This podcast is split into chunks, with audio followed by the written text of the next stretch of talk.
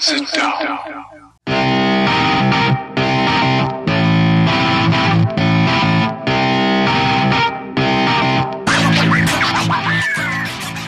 Witam wszystkich i każdego z osobna. Ja jestem Robert Kochan, a to jest Kochana NBA, najbardziej nieobiektywny podcast o najlepszej koszykarskiej lidze świata. To już 85. odcinek, razem ze mną jak zwykle jest tutaj Wiaro. Siema Wiaro, co tam u Ciebie słychać w ten piąteczek? Siema Robert, cześć wszystkim. A piąteczek powiem Ci bardzo przyjemny. No miałem, miałem rację, mamy mojego, jednego z moich y, pików do finałów mamy w finale. No ale trochę mi smutno jednak, że Luka odpadł z tego wszystkiego. Bardzo mu kibicowałem, bardzo chciałem, żeby coś z tego było. Byłoby to też epickie, gdyby mu się udało e, wyjść z serii 0-3. Także wiesz, mieszane uczucia, jeżeli chodzi e, o, o, o ostatnie koszykarskie doświadczenia moje. E, no słuchaj, no to może w tych mieszanych uczuciach Twoich jeszcze dzisiaj trochę zamieszamy. Pogadamy sobie właśnie o tej serii, pożegnamy Mavericks, powiemy co myślimy o, o grze Golden State Warriors. Ale zanim do tego przejdziemy, chciałbym z Tobą porozmawiać najpierw na nieco inny temat, e, mianowicie o drużynach All NBA, które, które poznaliśmy, o tych właśnie trzech e, piątkach All NBA, e, które poznaliśmy w tym tygodniu. No i właśnie, jestem, jestem ciekaw, co o nich myślisz, bo moim zdaniem całkiem te wybory są nie najgorsze. Tutaj, jeżeli chodzi o First Team All NBA, to został do niej e, nominowany Luka Doncic, Devin Booker, Jason Tatum, Janis e, Antetokounmpo i Nikola Jokic. W drugiej drużynie znaleźli się e, Steph Curry, Jamorant, DeMar DeRozan, Kevin Durant i Joel Embiid, a w trzeciej drużynie Chris Paul, Trey Young, LeBron James, Pascal Siakam i Carl Anthony Towns. Więc tak te piątki się prezentują. No moim zdaniem są, powiem Ci, całkiem nie najgorsze. Nawet dali radę głosujący w tym roku, przynajmniej moim zdaniem. No ale właśnie, jestem ciekaw, jak one się podobają Tobie i, i czy tutaj widziałbyś gdzieś może jakieś zmiany, jakieś przetasowania? No powiem Ci, że ja jestem podobnie jak Ty bardzo pozytywnie zaskoczony tym, jak wyglądają te, te piątki OLNBA. E, no ja jakichś wielkich zastrzeżeń nie mam. No, bardzo się cieszę, że nie jesteśmy na takim etapie przy głosowaniu na te drużyny najlepsze piątki. Tak naprawdę są trzy najlepsze piątki NBA tego sezonu zasadniczego. Tak można spojrzeć tak naprawdę na tą, na tą nagrodę. Bardzo się cieszę, że tam jednak zostawiamy sobie to pole centra. Bardzo się cieszę, że Joel Embiid i Nikola Jokic nie są w, y, obaj w first team e, All-NBA, tylko że jednak mamy to klasyczne rozłożenie na dwóch forwardów, dwóch guardów i i centra.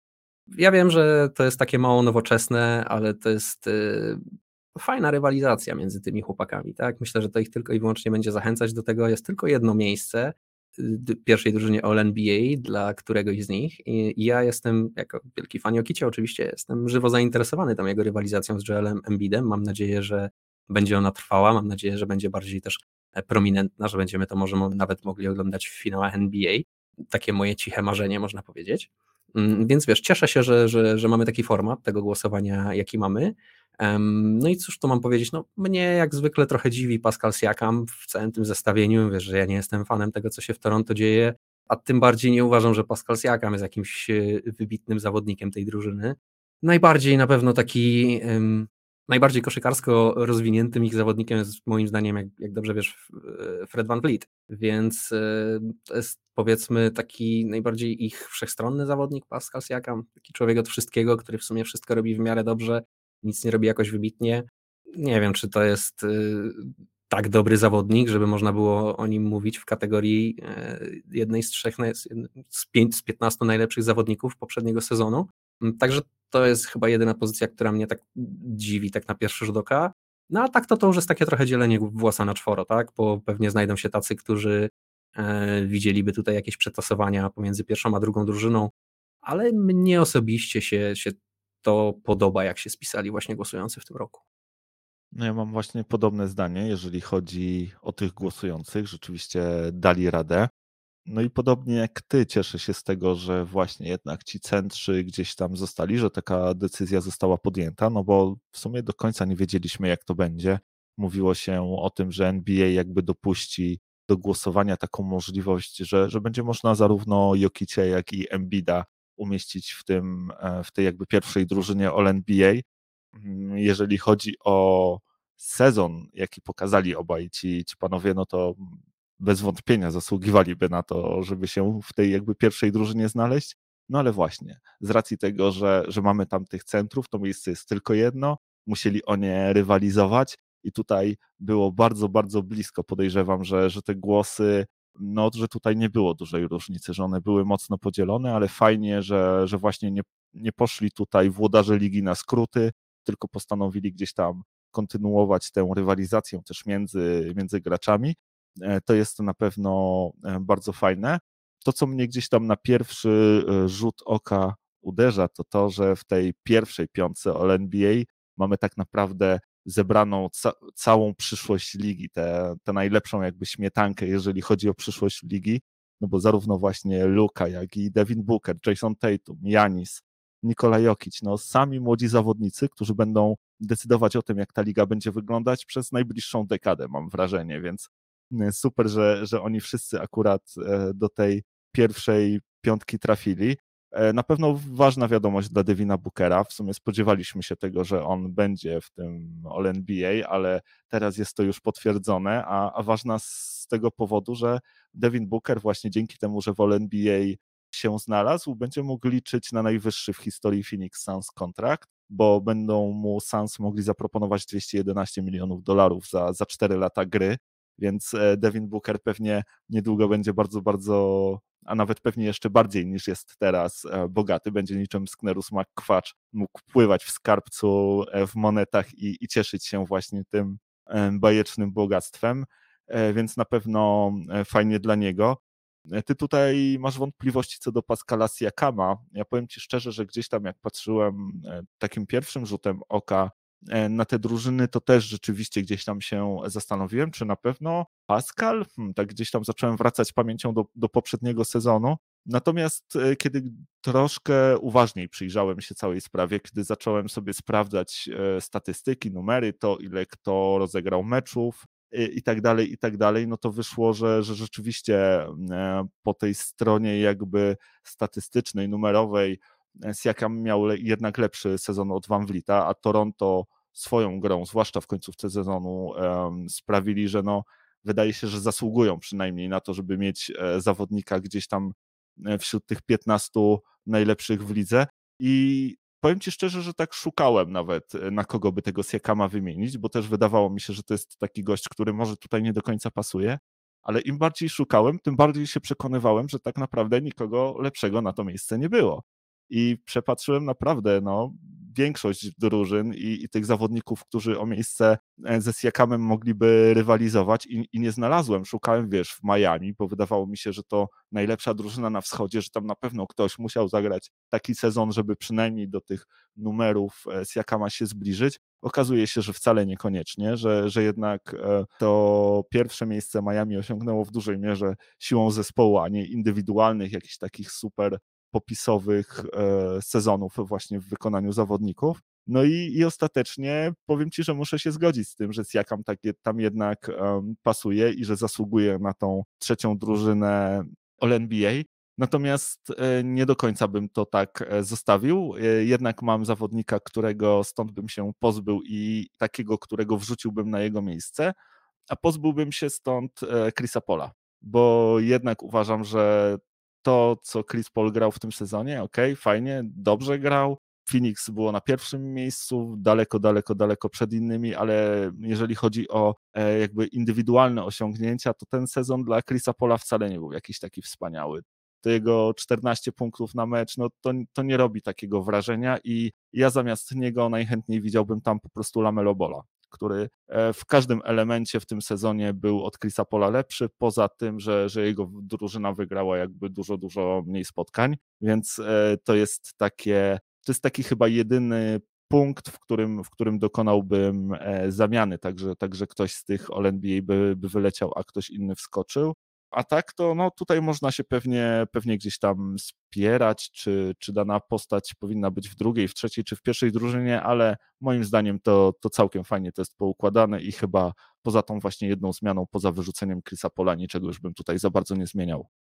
No i widzisz, no to po raz kolejny jakby otwiera temat, y, jakie są kryteria do, do zdobywania tej nagrody, tak? Bo jeżeli to jest stricte pod kątem statystyk, no to nie ma sensu głosować, zróbmy po prostu algorytm, który to policzy zdecydowanie lepiej niż, niż y, głosujący, którzy mogą się mylić w takich kwestiach. A jeżeli jednak bierzemy pod uwagę pozostałe kwestie grania, takich, których nie widać w statystykach, nie wiem, choćby defensywę, mm, czy wpływ na wygrywanie zespołu, no to już nie zgodzę się, że Lamelo Ball ponad Chrisa Pola w tym momencie.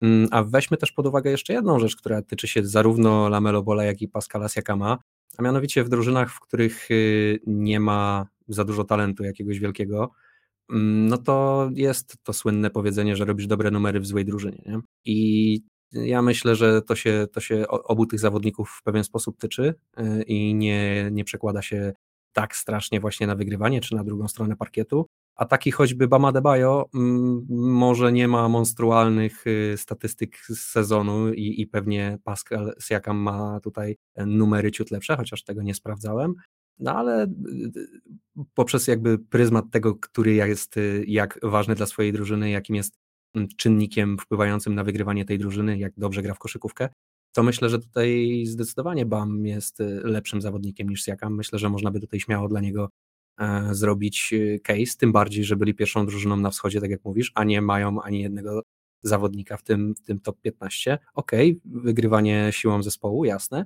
e, ale wciąż no takie Phoenix też wygrywało siłą zespołu, a jednak doceniliśmy tutaj aż dwóch zawodników Phoenix i Chrisa Pola i Devina Bookera, więc myślę, że Miami tutaj może się czuć y, troszkę oszukane, no i tak jak mówię, no zawsze jest jeszcze ta kwestia, że, że Lamelo Ball czy, czy Pascal Siakam no, mają po prostu lepsze numery. Na pewno nie powiesz, że to są lepsi koszykarze, czy, czy, czy e, e, w tym momencie no nie będziesz porównywał Lamelo Balla do Chrisa Pola, mówiąc, że Lamelo Ball jest e, po prostu lepszym grajkiem. Nie?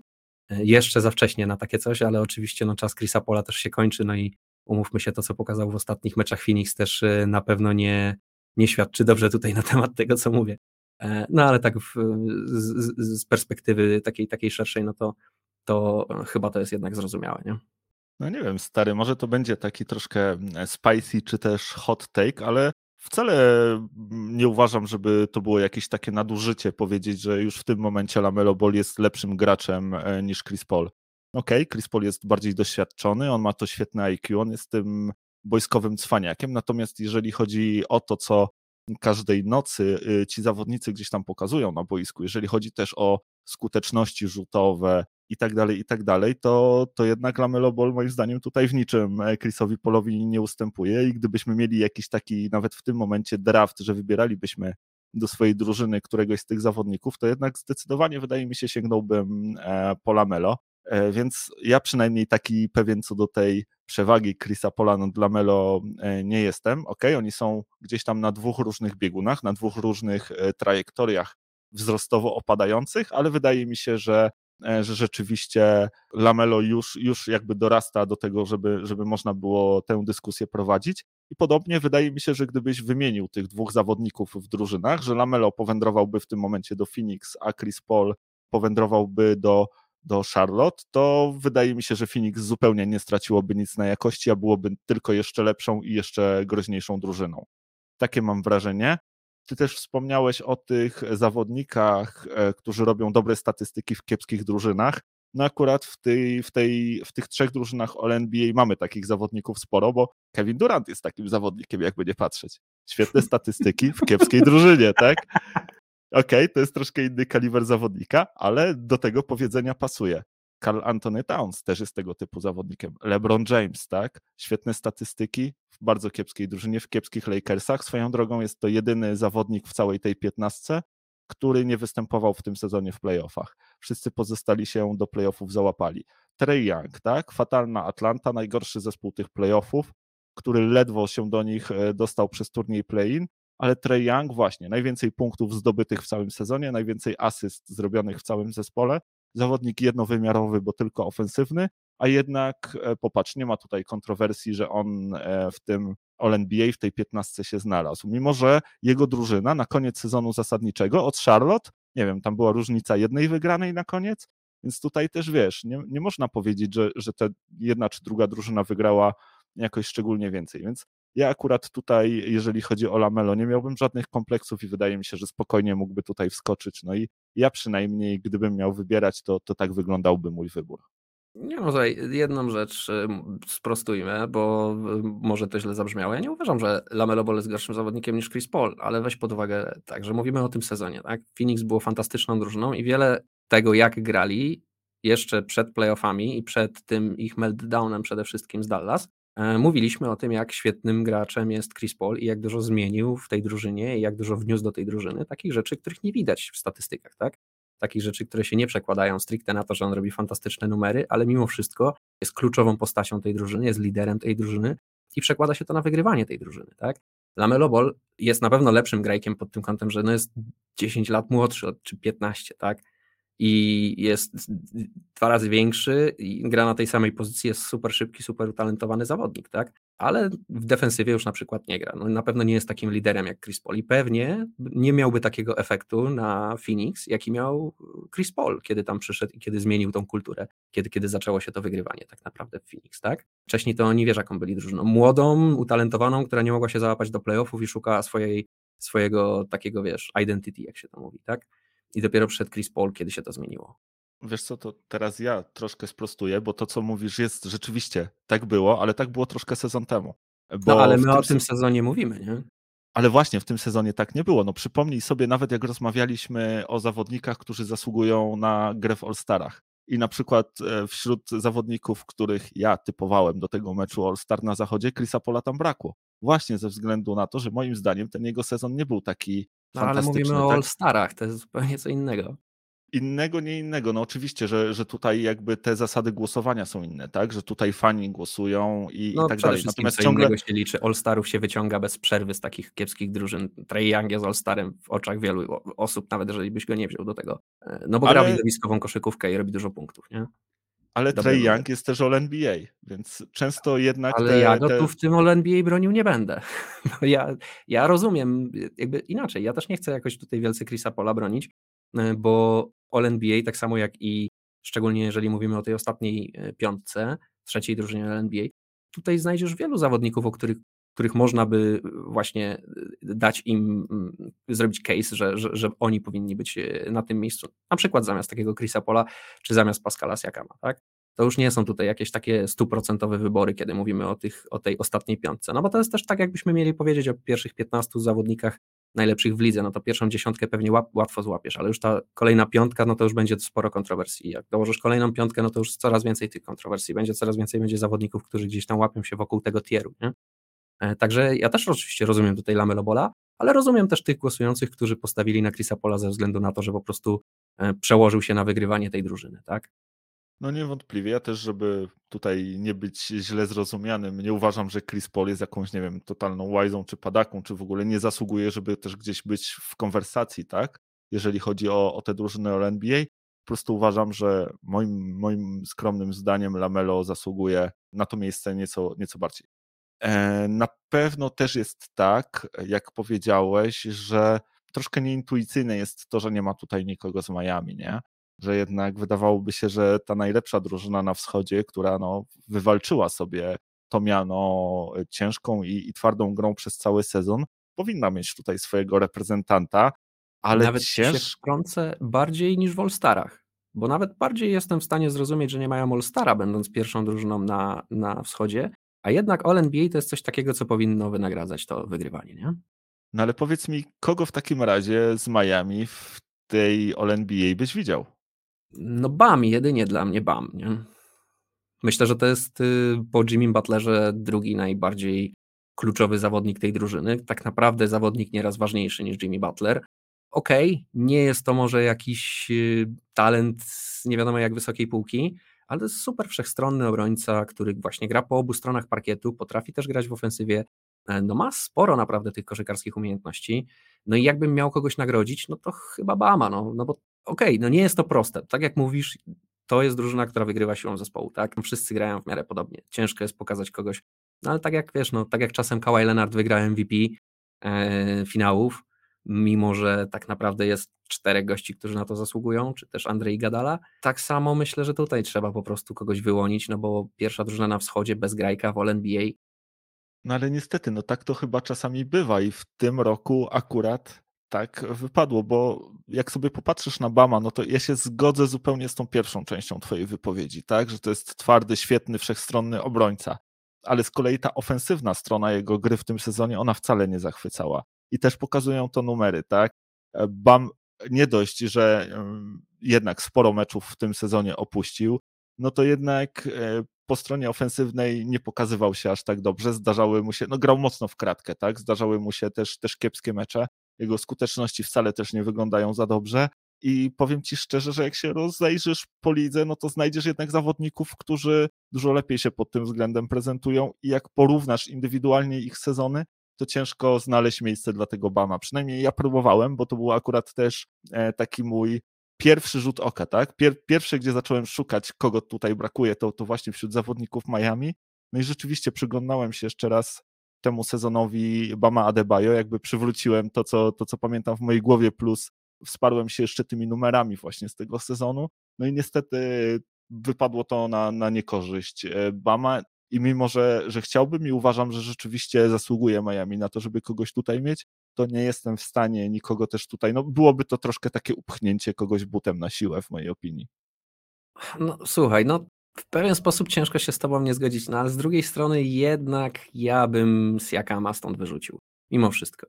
Mm, Siakam też nie jest zachwycającym zawodnikiem. Okej, okay, może numery kręci lepsze, ale jak popatrzysz na Bama na boisku i popatrzysz na Siakama na boisku, no nie wiem, czy jest wiele osób, które wolałoby mieć Siakama w swojej drużynie zamiast Bama Adebayo, nie? W takiej sytuacji.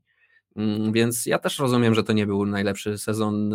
Wiesz, no Bam też nie jest w ogóle zawodnikiem ofensywnie jakoś super utalentowany, on, on ma prostą ofensywę raczej, tak? Chociaż ma, ma trochę tacza, nie jest to też taki drewniany zawodnik, nie? że stricte atletyka i nic więcej. To jest naprawdę fajny, wszechstronny grajek, e, taki trochę Draymond Green na sterydach, tylko że z trójką u niego jest kiepsko, nie? Ale też świetny paser. Podobnie jak Draymond e, bardzo dobrze potrafi podać i, i znaleźć kolegę, e, właśnie obsłużyć go podaniem, więc e, rzeczywiście gracz wszechstronny, bardzo dużo oddający drużynie, tylko no właśnie, ten sezon nie był jakoś taki szczególnie pod względem ofensywnym dla niego udany i, i tylko jakby to chciałbym powiedzieć. Natomiast to, co Obama opuściło, jeżeli chodzi o All NBA, to otrzymał e, w darze, jeżeli chodzi o All Defensive Teams, bo te również zostały pokazane w tym tygodniu. No i właśnie tutaj w jednej z nich e, Bam Adebayo się już znalazł, zresztą e, moim zdaniem w pełni zasłużenie. A te piątki wyglądają w ten sposób, że w pierwszej znaleźli się Marcus Smart, Michael Bridges, Janis Antetokounmpo, Jaren Jackson Jr. i Rudy Gobert, a w drugiej All Defensive Team znaleźli się Drew Holiday, Matty Stable, Draymond Green, Bam Adebayo właśnie i Robert Williams z Boston Celtics. No i właśnie, powiedz mi, co z kolei myślisz o tych e, dwóch defensywnych piątkach? Czy tutaj byś coś pomieszał, czy, czy kogoś byś wyrzucił, czy, czy kogoś wstawił na jego miejsce? No wiesz, jakie zapewne się spodziewasz, co powiem. no nie, no ja nie, ja nie jestem fanem Rudiego Goberta i nie, nie mogę z, z, tym, z tym jego wygrywaniem tych wszystkich nagród, z tym jego byciem bez przerwy uważanym za jednego z najlepszych obrońców w lidze. Dręczy mnie to. Nie jestem fanem tego podejścia, ale już nie będę wałkował tego tematu po raz kolejny. Ile można, nie chcę też się tutaj jakoś strasznie podemocjonować zaraz i, i, i wypaść z równowagi. Mm, więc powiem może o, o innej rzeczy, która mnie też troszeczkę tutaj e, boli a mianowicie boli mnie Drew Holiday w tym drugim defensive e, teamie. Wyjdziałbym go w pierwszym. Moim zdaniem to jest w ogóle jeden z najlepszych e, obrońców w lidze, jakich mamy, pretendent do tytułu Defensive Player of the Year. No i moim skromnym zdaniem zawodnik, który, e, którego ja bym widział zamiast Markusa Smarta na tym dostającego te, tę nagrodę, ale rozumiem też argumenty za całokształt twórczości Markus Smart więc już nie będę też jakby wracał do tego. Mm, no ale już y, za Mikala Bridgesa, no to bym śmiało tutaj Drew Holiday'a wstawił do tej pierwszej defensywnej piątki. Michael Bridges mnie osobiście nie przekonuje tą swoją defensywą. Podobnie jak Rudy Gobert uważam, że to jest y, bardzo takie zachowawcze, że to się nie przekłada na wygrywanie jakieś wielkie, że to nie, nie jest zawodnik, który potrafi zatrzymać y, kogoś, kto jest jego postury, jest jedynie jakby korzysta tutaj po prostu z tego, że jest wielki i długi, e, no i w związku z tym męczy tych mniejszych od siebie. więc ja bym tutaj śmiało Drew Holiday'a zastąpił, zamienił ich miejscami, po prostu tutaj Michaela Bridgesa bym widział w second all defensive team, a Drew Holiday'a w first. Oprócz tego, mm, no to tutaj pomijając oczywiście moje wieczne e, niezadowolenie z, z, z czytania Rudiego Goberta w, w, takich składach, e, czytania nazwiska Rudiego Goberta w tych, tych składach All Defensive Team, Teams, e, no to wszystko reszta się zgadza. Pewnie cię zaskoczę, ale z częścią z twoich stwierdzeń się zgodzę, z częścią niestety nie mogę, choć bardzo bym e, chciał. Też troszkę zastanawiałem się nad obiema tymi piątkami, miałem gdzieś podobne przemyślenia właśnie jak ty też wydawało mi się, że Drew Holiday powinien zagrać e, w tej pierwszej jednak e, piątce All Defensive Teams. I ja z kolei tutaj myślałem, że albo Drew Holiday, albo Marcus Smart, że, że jednego z tych zawodników właśnie trzeba wstawić do pierwszej, drugi, drugiego do drugiej drużyny.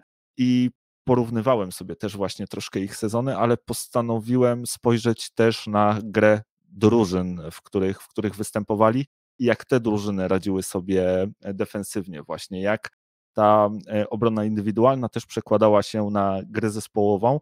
No i niestety tutaj e, troszkę przewaga na korzyść Markusa Smarta. Jednak Celtics byli najlepszą defensywą sezonu zasadniczego, a Bucks nie byli nawet w top 10.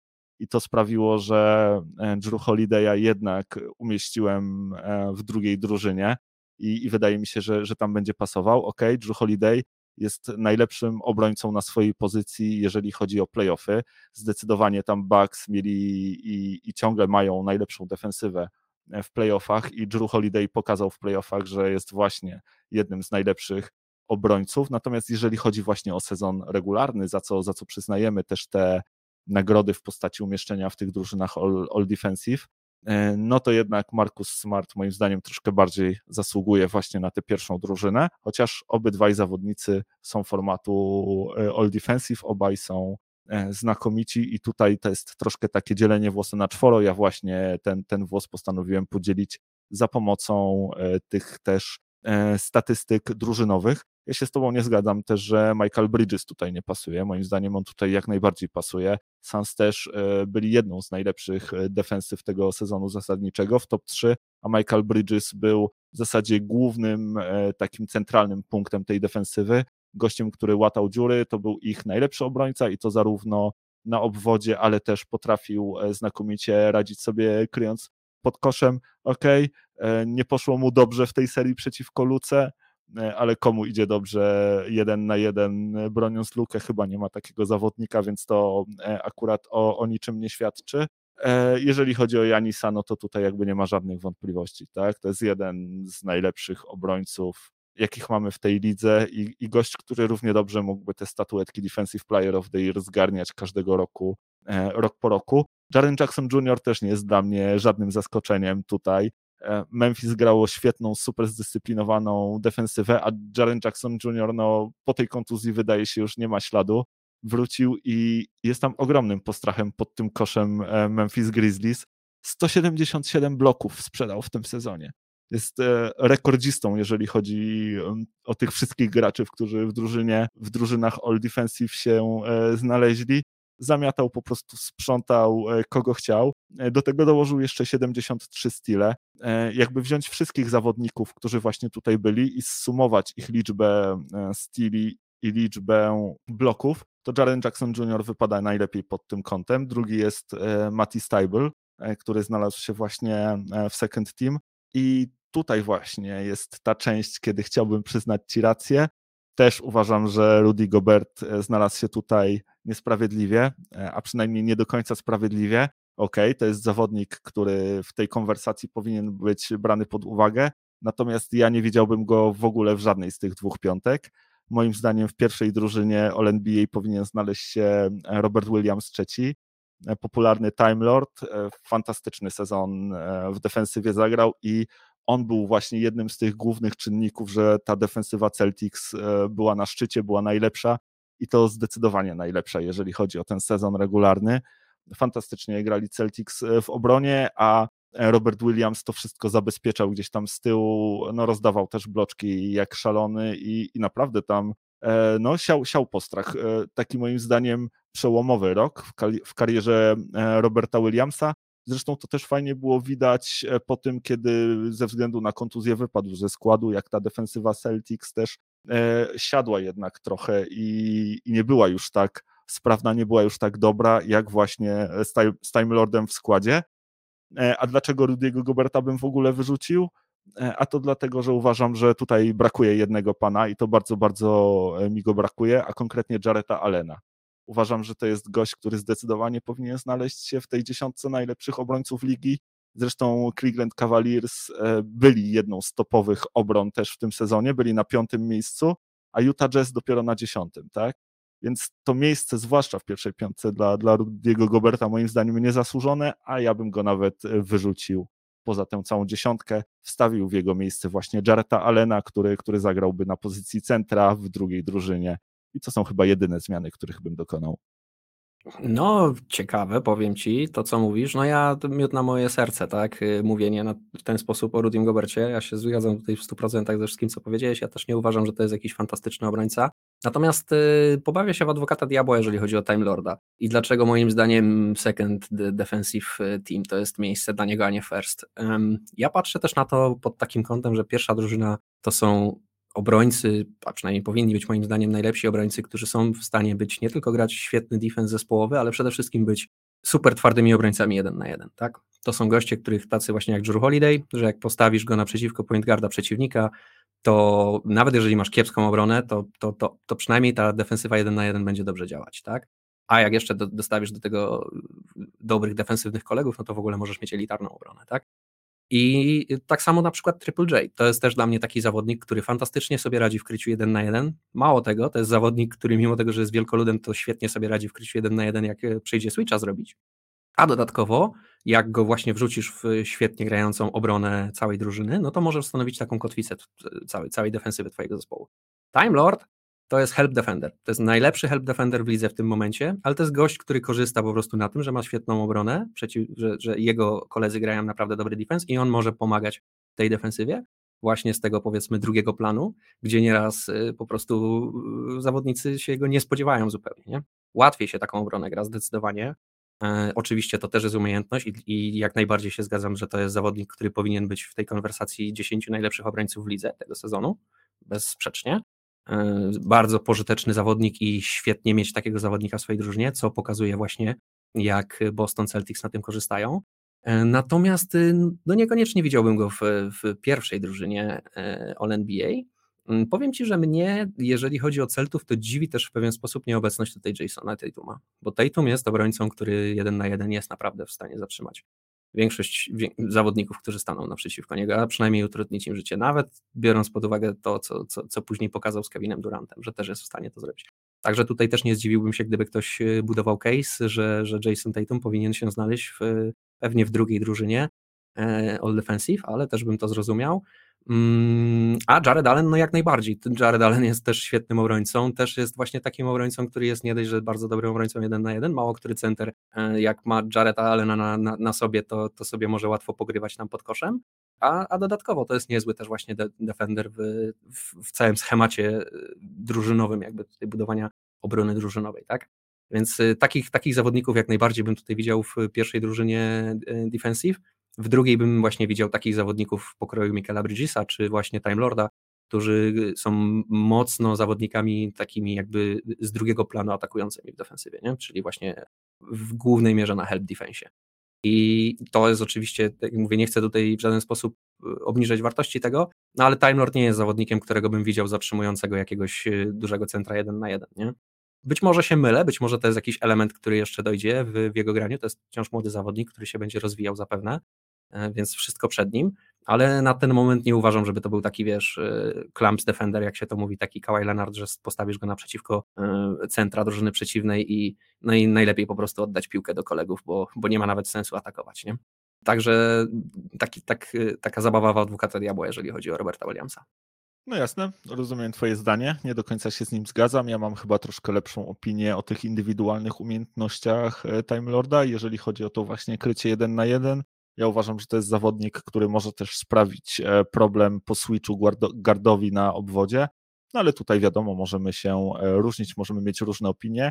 Zostawmy już może te drużyny e, all defensive i przejdźmy do tego, co, co słychać w playoffach, no bo właśnie po wczorajszym meczu pożegnaliśmy Dallas Mavericks, jak już gdzieś tam wspomnieliśmy na początku naszego podcastu, biała chusteczka, którą Luce możemy pomachać z lotniska na pożegnanie, zaśpiewać mu bye bye, do zobaczenia pewnie w przyszłym roku. No i oprócz tego właśnie, że, że żegnamy Dallas, to witamy w finale Golden State Warriors. Są pierwszą drużyną, e, która się tam melduje. Bardzo pewnie, wydaje się, e, wygrali tę serię przeciwko Mavs. E, no i właśnie, i, i idą dalej, ale może zaczniemy od tych pożegnań dla Dallas i, i dla Luki. Wiaro, chciałbyś coś Luce powiedzieć? Um, no cóż, no żałuję strasznie, że tak się to skończyło. Bardzo mocno kibicowałem e, Lukano, trzymałem kciuki za to, że będziesz pierwszym gościem, który e, wygra serię w playoffach, przegrywając 0-3. Byłoby to mega epickie, jeszcze jakbyś pokonał Warriors w ten sposób, no to byłoby fantastycznie. A tymczasem, no cóż można tutaj Luce powiedzieć, no uważać e, na wakacjach na najróżniejsze rozrywki i pokusy, które mogą e, go napotkać. Myślę, że będzie ich mnóstwo. Powinien, myślę, Luka, że też powinieneś pamiętać o tym, że sałatki sprzyjają. E, warto by może trochę poćwiczyć, może pogadaj z Jokiciem. Jokic nieźle się przebudował fizycznie w ostatnim sezonie. Może taki plan też dla Luki nie byłby zły. No i cóż, no i sky is the limit, jak się to mówi w przyszłym sezonie. Zobaczymy, co Dallas pokaże, ale biorąc pod uwagę, że właścicielem Dallas jest Kuban, no to tylko i wyłącznie mieć nadzieję. No, spokojnych wakacji ci Luka życzę, bez wielkich szaleństw, raczej skupionych na tym, żeby w przyszłym sezonie wrócić tutaj z zemstą i próbować naprawdę no, skosić po prostu towarzystwo. No bo ja mam najszczersze życzenia samych sukcesów, tak? Ja mam nadzieję, że to będzie twoja liga. Tyle mam do, dla Luki do powiedzenia, myślę, po tej serii no niewykluczone, że to będzie jego liga. E, na razie Luka niesamowicie się rozwija, tak? Dopiero 23 lata, a tu proszę, jego pierwszy finał konferencji. I wiesz co, ja myślę, że tak jak mówisz, że Luka wróci e, lepszy, silniejszy, mądrzejszy w przyszłym roku, wydaje mi się, że to mogą być takie właśnie przełomowe wakacje. Może jestem optymistą, może jestem naiwny, może wcale tak nie będzie. Może Luka po prostu jest Luką i zawsze, zawsze będzie pączkiem, bo, bo to jest przypisane do jego jestestwa i, i przyklejone do niego jak tancerki do kolan Jamesa Hardena. Ale przy tym, e, co widziałem po Luce, po gdzieś tam jego mowie ciała, po tym jak on odbierał rzeczywistość wokół siebie, jak patrzył na to, co się dzieje też na tym poziomie finałów konferencji, to wydaje mi się, że to była ogromna e, nauczka dla, dla Luki że on bardzo dużo z tego wyciągnął, że on też obserwując choćby nawet Stefa Kerego, jak on się rusza, jak on nie ustaje w biegu, jak e, cały czas po prostu jest e, w świetnej formie, potrafi no, nieustannie po prostu przemieszczać się z jednej części parkietu na drugi i cały czas być w ruchu, nie męcząc się.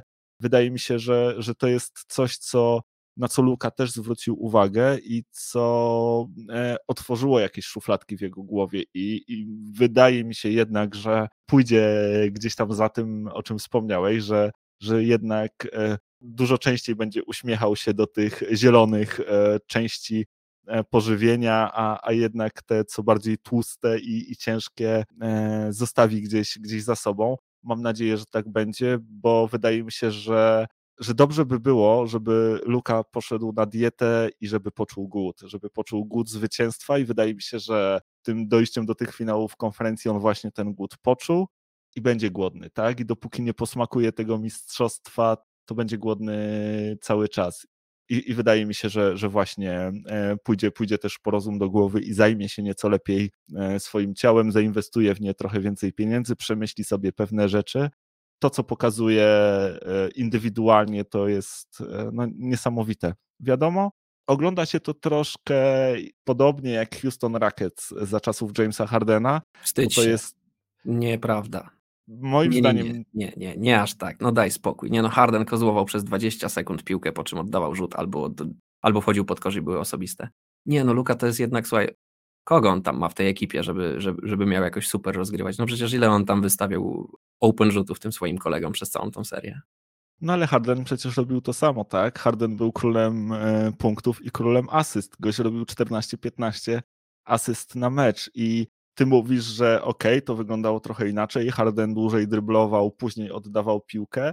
Być może takie niuanse, natomiast też biorąc pod uwagę gdzieś tam statystyki i to, jak mierzy się też ten usage rating, to ten właśnie usage rating Luki był wyższy y, niż, niż Hardena nawet, więc y, no, statystyki jakby pokazują, że, że Luka bardzo mocno jest wykorzystywany właśnie do tego, żeby być tą, tą siłą Mavs, że ci wszyscy koledzy ustawieni dookoła niego w zasadzie przez całą akcję też stoją gdzieś tam na swojej pozycji i czekają, aż, aż dostaną od niego piłkę, aż y, Luka, nie wiem, dryblingiem minie swojego obrońcę, albo już po switchu właśnie E, weźmie go na plecy, ściągnie na siebie double team e, i, i wtedy odda piłkę. Więc e, na pewno jest to widoczne. Moim zdaniem to też sprawia, że, że Mavs nie będą w stanie wygrać, jeżeli nie wzmocnią swojej drużyny. Że to, co teraz tam mają poza luką, że tam brakuje jednak tego drugiego dobrego zawodnika, który pomoże tę drużynę ciągnąć do przodu, że sam Luka to, to może być trochę za mało, plus ta banda grajków dookoła zwłaszcza jeżeli te, te grajki są wątpliwej jakości, bo moim zdaniem są i o ile zdarzały im się e, dobre mecze, o tyle zdarzają, zdarzały im się również e, bardzo kiepskie. Nie wiem, czy na przykład taki powiedzmy Reggie Bullock to jest gość, który, który mógłby zagrać e, w pierwszej piątce jakiegokolwiek innego zespołu, który miałby aspiracje, żeby bić się o poważniejsze cele w playoffach. Wydaje mi się, że, że niekoniecznie. E, Maxi Kliber pewnie też. E, to jest fajny gość, który tricky shooter, który może wejść z ławki, dać ci parę dobrych minut. On też ma jakby dobry basketball IQ, ale też nie wydaje mi się, żeby był to gość na pierwszą piątkę. On co prawda w pierwszej piątce nie występował, bo tam grał Dwight Powell, zupełnie nie wiadomo dlaczego. Dwight Powell zaczynał mecz, po czym po trzech minutach schodził na ławkę, już pra prawie że nie wracał, chyba że Maxi łapał szybko faule, co, co też mu się zdarzało w tych, w tych seriach ale właśnie tej jakości, jeżeli chodzi o tych roleplayerów e, w drużynie e, Mavericks brakuje. Ok, Jalen Bronson w porządku, Spencer Dinwiddie, fajna iskra z ławki, Dorian Finney-Smith potrafi dać dobre minuty, jest też dobrze broni i potrafi też e, czasami trafić jakieś trójki, ale poza tym chyba już nikt więcej za bardzo się do niczego nie nadaje. Natomiast no, wydaje mi się, że Mavs też nie będą mieli jakby dużego tutaj pola do popisu, że ten skład jest już mniej więcej ustalony, że tutaj ciężko im będzie coś tym wszystkim potasować. No zobaczymy, na pewno fajnie by było, gdyby udało im się wzmocnić na pozycji centra, bo tego bardzo, bardzo brakowało i e, byli przez Golden State Warriors no potężnie tutaj jakby e, dobijani w tym, w tym segmencie gry. To, jest, to była w ogóle seria Kevona Luneya, o czym, o czym nigdy nie pomyślałem, że, że będę mógł tak powiedzieć. Ke, Ke, Kevon Looney zdobył w jednym meczu ponad 20 punktów, co ostatni raz zdarzyło mu się w high schoolu, więc to też e, pokazuje, e, jaka to była seria właśnie dla, dla Kevona Luneya i jak bardzo Mavericks brakowało wartościowego centra. Natomiast też na pewno dla całej tej drużyny to była ogromna nauczka i um, Jason Kidd mówił, że, że nikt się tutaj ich nie spodziewał. Rzeczywiście mało, mało kto się spodziewał, wszyscy widzieli na tym miejscu Phoenix i raczej z Phoenix wyobrażali sobie te finały konferencji, natomiast no właśnie ostatecznie Mavs, no i szybciutko się żegnają, podobnie jak Denver Nuggets 4-1, papa, natomiast tak jak powiedziałem, fajna nauczka dla nich, Luka też to dosyć mocno podkreślał. On w wywiadzie pomeczowym powiedział, że on nawet nie ma wrażenia, że zrobili krok do przodu, tylko że wydaje mu się, że tych kroków było nawet kilka. Więc teraz na spokojnie trzeba to będzie przetrawić, przemyśleć. Mają już powoli, zaczynają e, łapać recepturę tego, jak w playoffach należy grać i ile trzeba poświęcić, ile trzeba z siebie dać, e, żeby, żeby te serie playoffowe wygrywać, więc pewnie w przyszłym roku powinni wrócić tylko silniejsi. No słuchaj, tutaj w pewnym momencie uderzyłeś w sedno tego wszystkiego, ale, ale, ale w ogóle dużo rzeczy poruszyłeś, które chciałbym gdzieś tam skomentować, ale nie będę przedłużał, więc y, krótko powiem. Nie, nie, nie idźmy jakby w stronę tego, że Luka gra w zły sposób i jego styl się nie przekłada na wygrywanie. Najpierw dajmy mu jakichś kolegów, z którymi może coś wygrać, bo póki co to Mavs wyglądają w ten sposób, że mają e, obstawionego point guarda, na którym gra Luka, mają obstawionego Sixthmana, na którym gra Bronson i ewentualnie mają obstawionego y, forwarda, na którym można Finney Smitha wstawić, jeżeli będziesz miał innych dobrych zawodników. No on może być takim załataniem powiedzmy pierwszego składu. Więc dużo brakuje jeszcze w tej drużynie. Najpierw to trzeba przebudować, najpierw trzeba zbudować jakiś skład wokół Luki i wtedy można dopiero zobaczyć, czy, ten, czy faktycznie jest tak, że Luka gra y, nie wiem, z, z Bradleyem Billem na przykład i ewidentnie Bradley Bill dostaje za mało piłek i Luka jest czarną dziurą i tak dalej, i tak dalej. Nie idźmy w tą stronę, bo to na razie jest zdecydowanie za wcześnie na takie gadanie. Póki co to Luka musi robić co, wszystko, co może, żeby w ogóle mm, te, te, te, te mecze były competitive. No bo tak jak powiedziałeś, e, kolegów ma co, co najwyżej średnich. E, natomiast na przyszłość, tak jak mówię, fajnie to wygląda. Mm, Luka to jest taki, taki zawodnik, wokół którego można się śmiało budować, więc tutaj nie ma, nie ma jakichś wielkich podstaw do tego, żeby cokolwiek, wiesz, jakieś panikować czy coś w ten deseń. Fajnie, nikt, nikt się nie spodziewał, że to faktycznie aż tak daleko zajdzie. E, seria z Phoenix to będzie coś, co zawsze będą mogli pokazać, będą mieli zawsze dla siebie, to będzie zawsze taka, wiesz, y, mocny punkt w CV Luki. Także super fajny sezon, myślę, dla Mavs. No, zgadza się I, i na pewno fajnie się skończył. E, myślę, że, że wszyscy w Dallas powinni być zadowoleni i, i z nadzieją patrzeć e, w przyszłość. E, mamy jeszcze troszkę czasu, dlatego właśnie chciałbym, żebyśmy porozmawiali jeszcze o Golden State Warriors i e, złożyli im e, laurkę z okazji tego awansu do finału.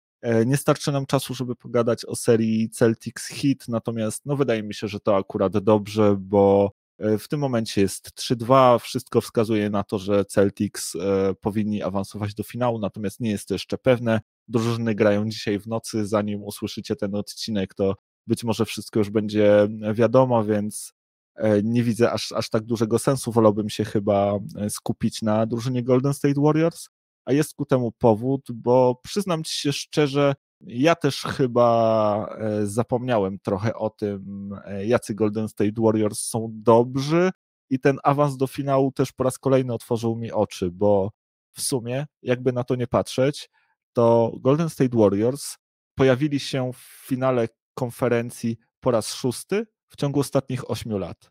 Ja zapomniałem już, te, te, wiesz, te dwa ostatnie lata, e, ta drużyna po prostu przebudowująca się, przetrzebiona kontuzjami, nie zapomniałem, że oni przecież rok po roku, jeszcze właśnie dwa lata temu, no, znajdowali się w finale konferencji i, i szli jakby na, na sam szczyt tej ligi, a przez ten czas też sporo się zmieniło, bo owszem, ten trzon drużyny pozostał taki sam, tak? To jest ciągle Steph Curry, to jest ciągle Clay Thompson i to jest ciągle Draymond Green, ale poza nimi zmieniło się prawie wszystko, nie? Okej, okay, został ten Kevin Looney jeszcze, który rzeczywiście E, w tej serii miał niebagatelne znaczenie, ale cała reszta to jest no, dosyć, dosyć duża zmiana. Przecież ci ta, ta, ta świeża krew, która się pojawiła, tak? Te wszystkie Jordany Pule, Kumingi, tak? Moses Moody, do tego Andrew Wiggins, którego y, udało się ściągnąć e, do zespołu i wszyscy mówili, no okej, okay, może na rok tutaj spróbują go flipnąć, wytradować.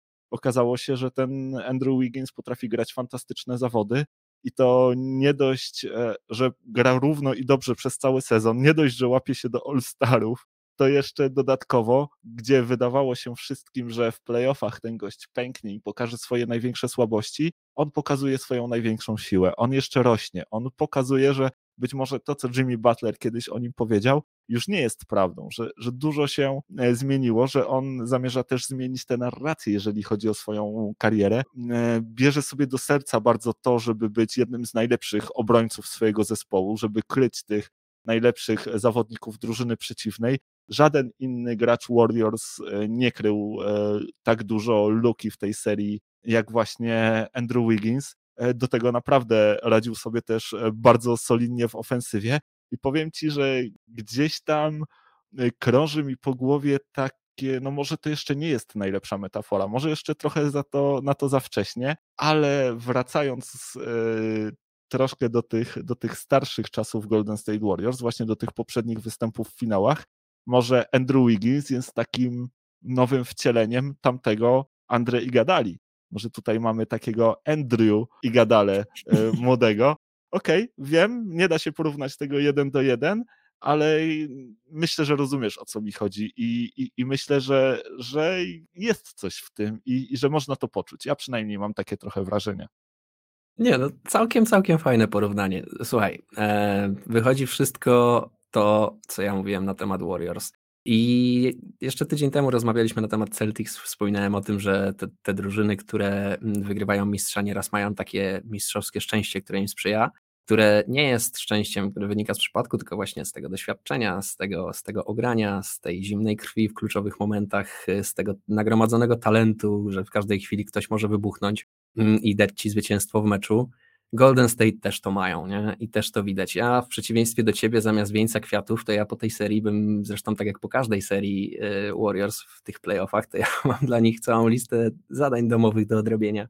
Bo jak zwykle Warriors mnie nie przekonują swoją grą, nie wyglądają jak behemoth, nie wyglądają jak drużyna, która, która, y, którą właśnie ja pamiętam. Być może to przez to, że ja mam jednak ten, ten ostatni obraz Golden State, to, to jest z Durantem i, I być może dlatego mi się wydaje, że, że ta drużyna była tak strasznie dominująca, może wcześniej oni faktycznie nie byli aż tak dominującą drużyną, a przecież też wszystko wygrywali i teraz też wszystko wygrywają. No i zawsze znajdą sposób, nie? To jest ta mistrzowska krew, to jest właśnie to ogranie, to, to, to szczęście mistrzowskie, no zwał jak zwał, nie? E, ale mają to coś. Mm, Boston też to ma, nie wiem czy aż w takich ilościach, zobaczymy jak to będzie wyglądało w finałach, jeżeli faktycznie Boston się tam zamelduje, no już dziś w nocy się dowiemy, no ale tak jak mówię, no ja mam całą listę zastrzeżeń do tego wszystkiego. Oczywiście najmniej do, do wbrew pozorom do Andrew Wigginsa, który się, tak jak mówisz, prezentuje bardzo równo, nie dość, że przez cały sezon, też jeszcze przez całe playoffy, zaskoczenie chyba dla wszystkich.